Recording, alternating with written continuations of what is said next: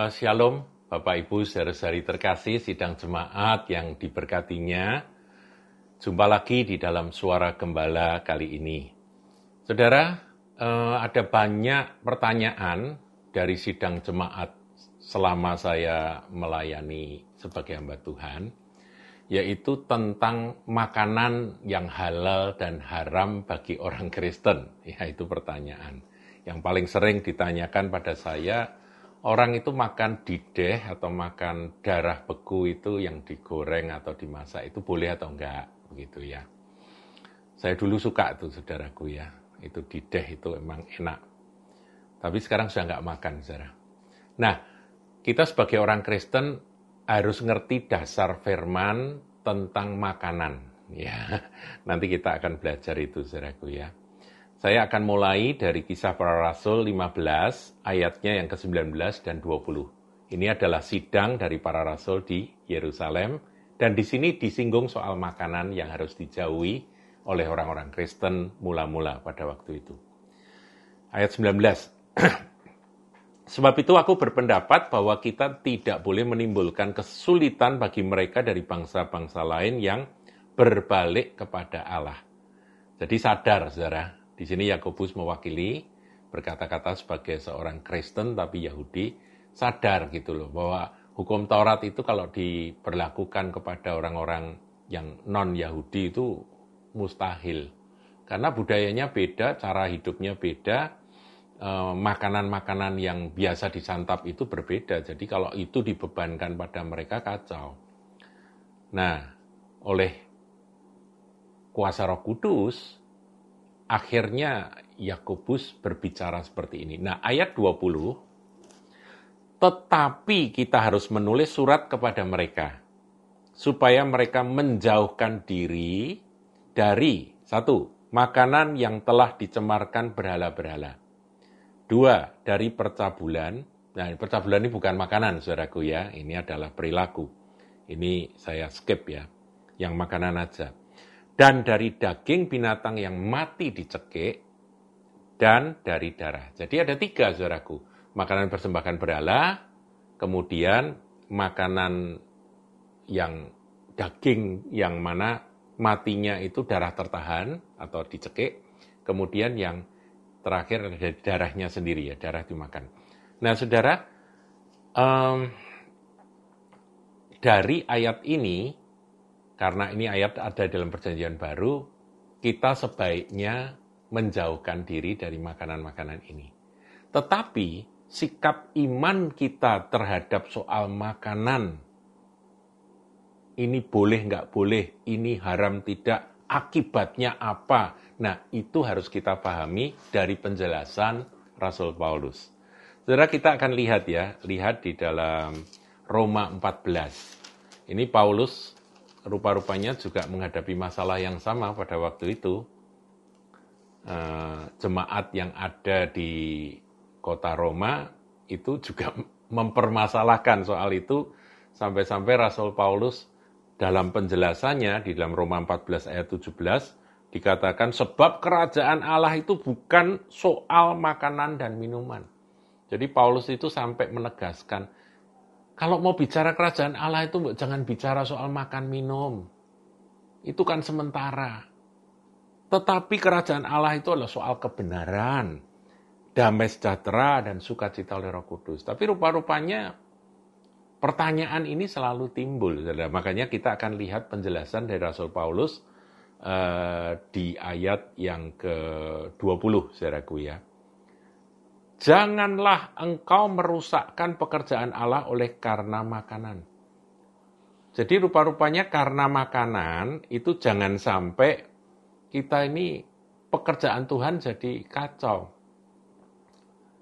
Golongan ini nggak boleh makan ini, golongan ini boleh-boleh saja, golongan ini uh, apa bilang kalau makan itu masuk neraka. Nah, ini yang begini ngerusak pekerjaan Allah.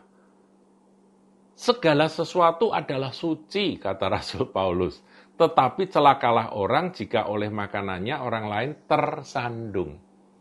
Jadi yang penting itu kata tersandung ini, saudara. Karena urusan makanan sampai orang jadi tawar hati, orang jadi tersandung. Jadi ribut soal makanan dan minuman. Kerajaan Allah bukan soal itu. Itu yang maksudkan oleh Rasul Paulus. Kemudian ayat 21, Baiklah engkau jangan makan daging atau minum anggur, kalau itu dipermasalahkan. Atau sesuatu yang menjadi batu sandungan untuk saudaramu jadi kalau membuat seorang saudara kita itu jatuh tersandung, ya sudah ngalah lah, kamu nggak usah makan ini, nggak usah minum itu demi saudaramu, demi saudaramu. Ya, jadi uh, Anda pahami akan hal ini.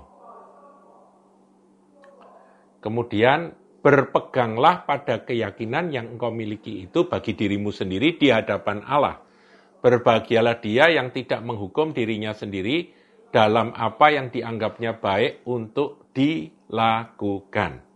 Nah, saudara ditambahkan oleh Rasul Paulus dalam 1 Korintus 10. Saya bacakan ya. Rupa-rupanya jemaat Korintus juga punya problem urusan ini. Jadi ini ada tertulis dalam surat-surat para rasul ini maksudnya apa?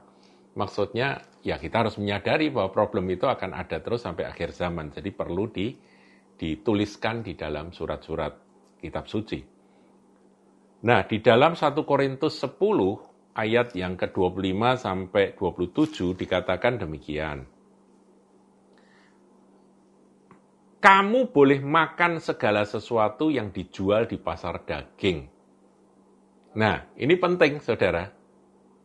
Tanpa mengadakan pemeriksaan karena keberatan-keberatan hati nurani. Tadi kan dikatakan makanan yang dipersembahkan berhala itu jangan dimakan. Itu aturannya, bakunya, saudaraku. Tetapi pada pelaksanaannya, kalau kita beli daging di pasar, apa kita tahu sejarah dari hewan itu, entah itu sapi atau kambing, sebelum jadi daging yang dijual itu, cara penyembelihannya bagaimana? Apakah sebelum disembelih dipersembahkan kepada dewa. Nah, saudara, di desa-desa di Jawa saja itu padi, saudaraku ya, beras itu ya, beras yang Anda makan itu ketika mereka sudah panen, itu mereka mengucap syukur kepada Dewi Sri.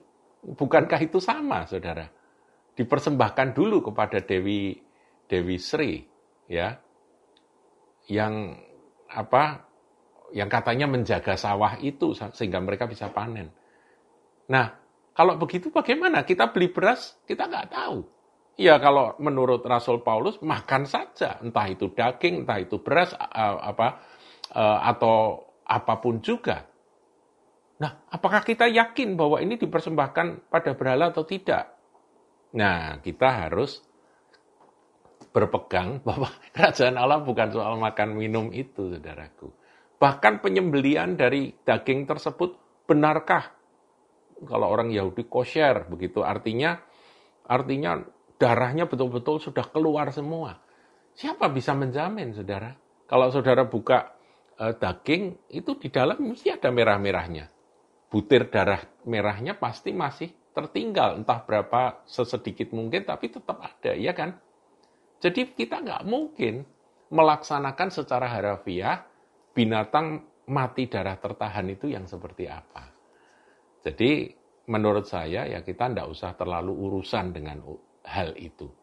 Tapi kalau soal makan darah bagaimana? Ya saya kalau boleh boleh bersaksi saudaraku, dulu saya paling suka makan dideh itu ya. Tapi setelah saya baca firman itu kok tiba-tiba jadi tidak suka sendiri. Meskipun saya ngerti bahwa kalau saya makan daging tuh didehnya bisa katut di dalam ya. Kadang-kadang saya buka ayam goreng begitu, itu kok oh darahnya masih ada di situ di beku di situ ya. Gorengan itu masih kelihatan merah-merah hitam gitu. Gimana ya saya singkirkan, saya makan aja gitu. Jadi no problem. Karena urusan kita ini selamat tidak, urusan kita e, masuk surga atau tidak, itu bukan urusan makan minum, saudaraku. Ya, karena bumi serta segala isinya adalah milik Tuhan. Nah, bahkan ayat 27 ini kayak akhiri dengan ayat yang bagus ini. Kalau kamu diundang makan oleh seorang yang tidak percaya, dan undangan itu kamu terima, makanlah apa saja yang dihidangkan kepadamu tanpa mengadakan pemeriksaan karena keberatan-keberatan hati nurani. Rasul Paulus itu orang Yahudi, dia nggak makan daging tertentu, saudaraku. Daging babi dia nggak makan. Tapi dia berada di antara orang-orang Romawi. Saya berani yakin, saudaraku, bahwa Paulus itu ketika dikasih hidangan oleh orang-orang tidak percaya dari yang non-Yahudi, dia nggak tanya-tanya ini babi atau bukan itu ya enggak sikat aja tapi Paulus sebaliknya bilang kalau soal makanan itu membuat saudaraku tersandung. Lebih baik aku tidak makan daging seumur hidup. Jadi bukan masalah e, rakusnya dia suka makannya dia bukan. Tapi demi Injil karena dia itu tahu itu tidak penting saudaraku. Kerajaan Allah bukan soal makan minum tapi soal kebenaran, damai sejahtera, dan sukacita dalam roh kudus. Jadi inilah sedikit pencerahan tentang makanan dan minuman bagi orang-orang Kristen. Ada yang tanya, boleh nggak uh, minum alkohol? Kalau mabuk nggak boleh, saudaraku.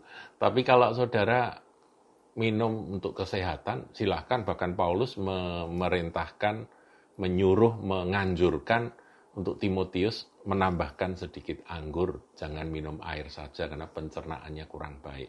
Jadi bagi kita, kita harus pahami, saudaraku, mana yang kerajaan Allah dan mana yang tidak. Saya harap saudara paham, Tuhan memberkati.